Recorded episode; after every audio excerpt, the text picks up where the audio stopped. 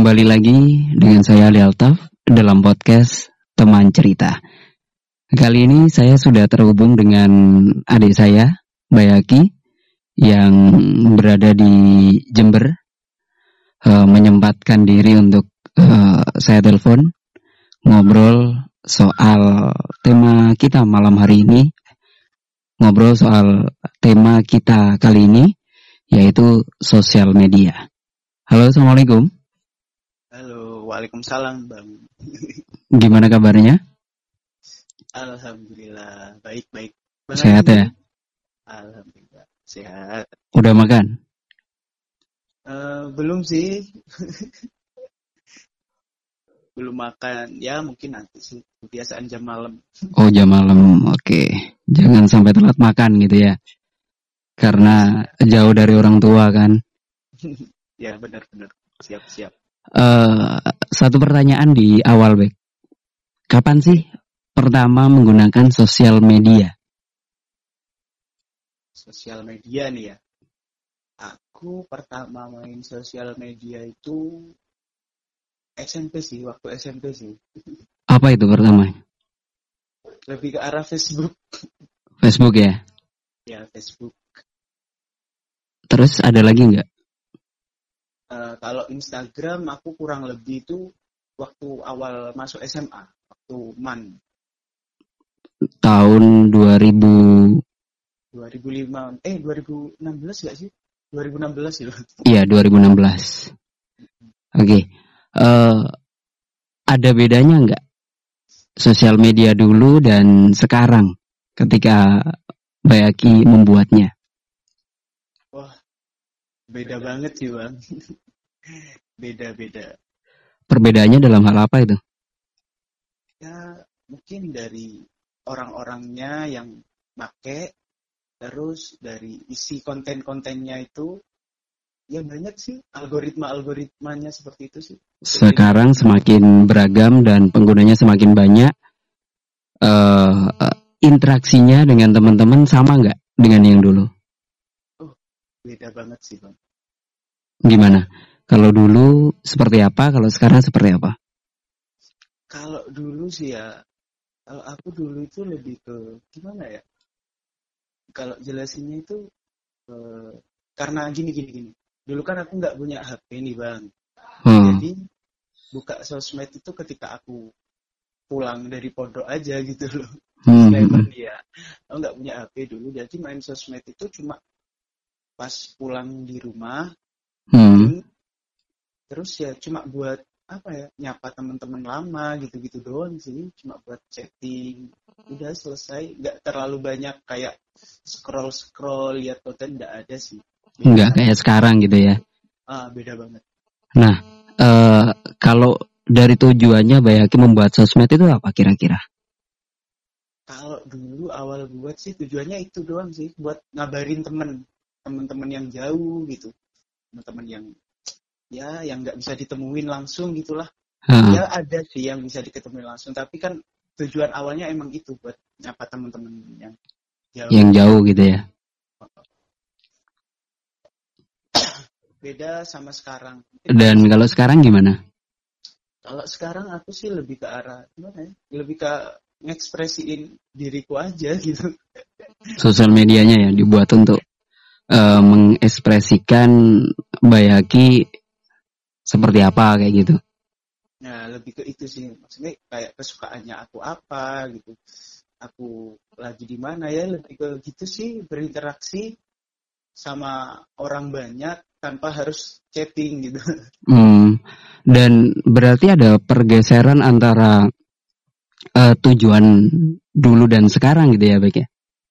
Oh, pastinya bang, tentu, benar-benar.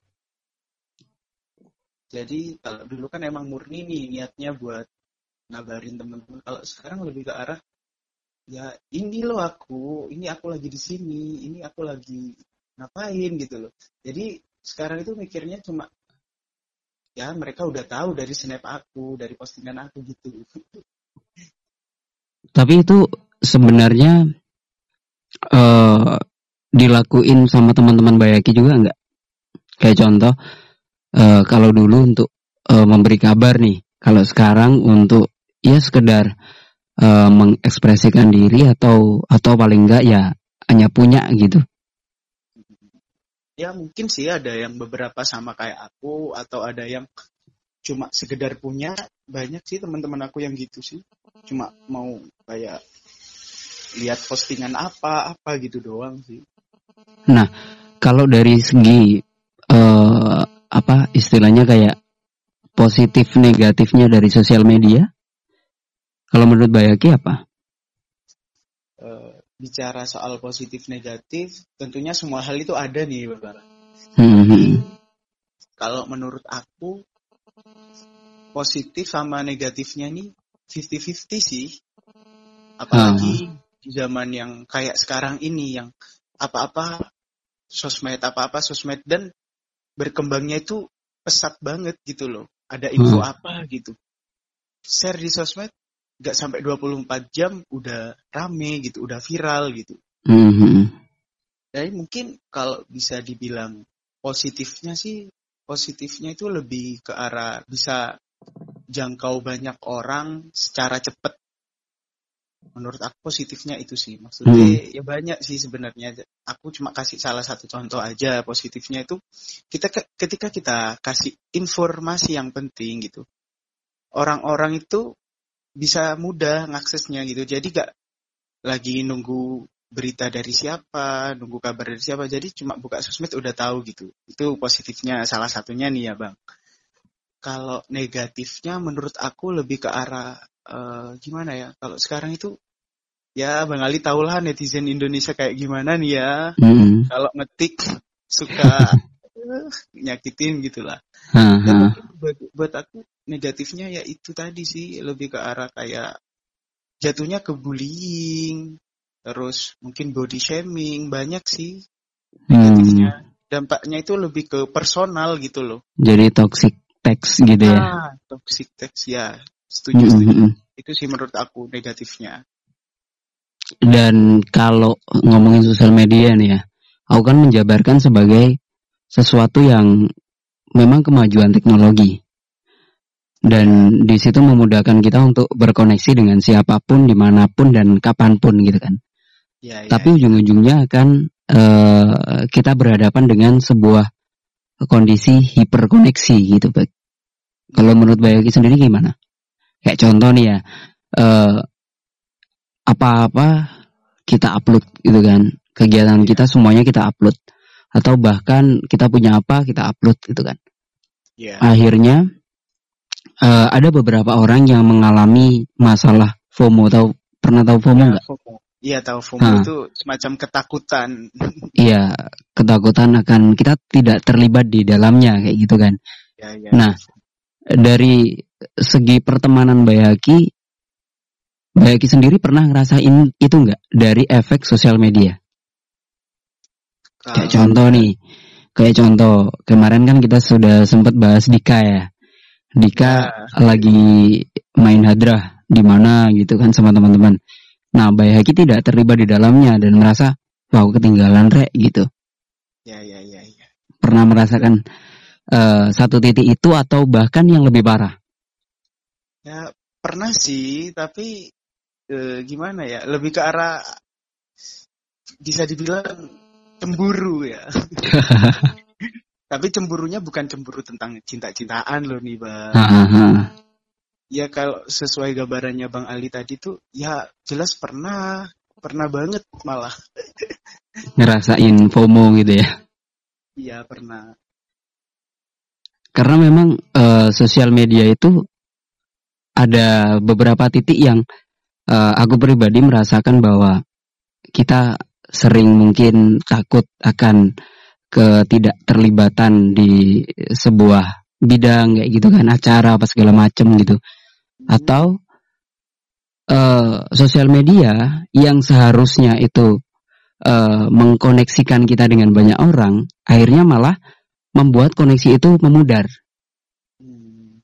merasakan ini enggak ya bener sih aku ngerasain sih jatuhnya malah kayak Hah, apa sih gitu kok malah kayak gini gitu Jadinya Jadi- malah kita itu kayak kejebak sama pikirannya kita sendiri gara-gara FOMO itu tadi. Kita kayak merasa ya sebenarnya semuanya perasaan kita gitu ya. Kita Ah, tidak terlibat, merasa sedih dan lain-lain. Nah, kalau dari koneksinya udah mungkin berubah nggak?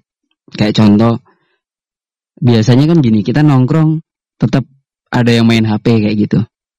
Iya. Yang dikabari orang lain gitu. Iya sih.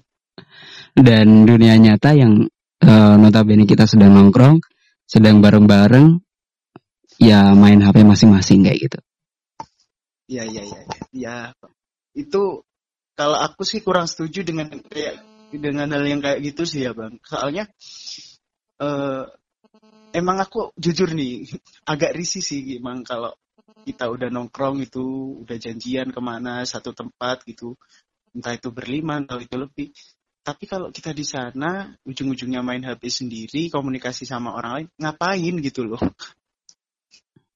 Aku sih mikirnya kayak gitu. Jadi aku kebiasaan kalau aku udah nongkrong gitu. Mungkin bang Ali kan udah tahu sering ngobrol nih sama aku. Hmm. aku lebih seneng matiin HP aja gitu mama. Karena aku suka ngehargain waktu ngehargain orang yang udah mau ngeluangin waktu buat ketemu sama aku buat ngobrol sama aku. Karena aku ini orangnya su- lebih suka ngomong langsung gitu loh bang.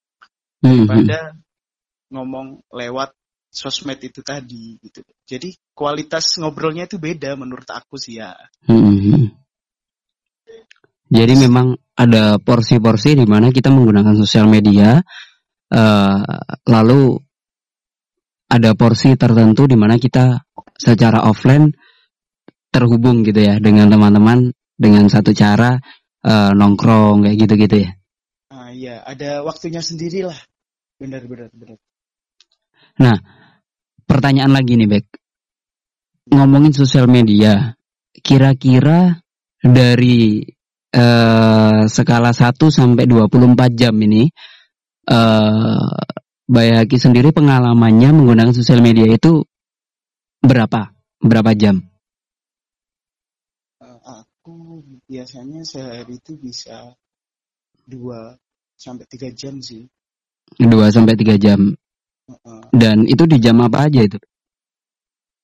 aku seringnya lebih ke malam Malam ya? malam jam-jam ya mungkin jam-jam habis-habis isya gitu jam 9 sampai malam gitu. Ya gitu sih. Lebih ke malam sih quality time buat bersosmed. Karena memang setiap tahun itu eh, yang namanya sosial media secara tidak langsung akan membuat usernya eh, berubah ya. Dalam artian mungkin kalau dulu orang menggunakan sosial media itu eh, jam pagi sebelum ngantor atau sebelum berangkat eh, ke kampus kayak gitu. Nah tapi sekarang orang menggunakan sosial media itu eh, di jam-jam ketika mereka ingin beristirahat. iya iya. Dan itu menurut Bayaki mengganggu nggak? Dalam artian mungkin mengganggu istirahatnya. Tambah overthinking gitu. ya mungkin sih ya tapi menurut aku Kadang ya, kadang ya. Kadang kadang aja sih itu. Kalau menurut aku sih kenapa aku lebih milih malam? Karena ya emang pas banget gitu mau istirahat kita lihat-lihat aja sosmed gimana gitu apa aja yang terjadi seharian gitu apa aja gitu. Kalau aku nggak keganggu sih bang lebih ke arah enjoy aja. Soalnya kita pagi sampai siang udah beraktivitas udah capek gitulah kayak Hmm. emang nggak pas aja waktunya kalau emang siang pagi gitu nggak pas menurut aku kalau malam itu bagi aku waktu yang pas sih emang punya kita duduk santai sambil rebahan gitu sambil Mm-mm. lihat sosmed gitu sih Jadi ada porsi-porsi tertentu memang kalau Bayaki sih kalau saya rasa ya, eh, aku rasa nggak terlalu terdampak dengan sosial media yang eh, kecanduan hampir hampir setiap saat gitu. Eh, berbeda sama aku nih, karena memang kerjanya di sosial media gitu kan. tapi kan itu dampak positif bukan negatif Iya dampak positifnya ya memang cari uang di sana gitu kan. iya emang tuntutan Emang tuntutan. Nah, uh, plus minusnya tadi udah disebutkan.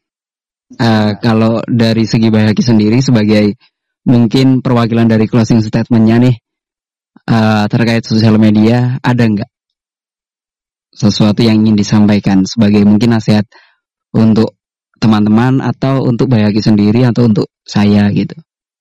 Ya, nggak tahu ya. Mungkin ini entah buat saya sendiri, entah buat orang lain. Intinya kalian bersosmed itu penting nggak penting nih ya kalau menurut aku. Dibilang penting ya bisa penting banget dibilang nggak penting ya bisa juga tergantung kitanya. Tapi hmm. yang intinya itu kita itu harus pintar milih gitu. Harus pintar nyaring. Jangan semuanya dimasukin di pikiran kita di perasaan kita gitu. Emang ada beberapa hal yang di sosmed yang harus kita apa istilah dibodoh amatin gitu loh pak. Mm -hmm. jadi ya sebenarnya nggak semuanya harus diiyain gitu loh yang ada di sosmed itu. Ada beberapa yang memang harus di bodo amatin itu tadi. Jadi intinya ya pinter-pinter milih aja gitu loh biar nggak sampai berdampak ke kehidupan kita gitu ke mental kita atau apa pun itu. Itu sih kalau menurut aku. Ya pinter-pinter bersosmed lah. Wajar dalam bersosmed dan sehat dalam bersosmed ya.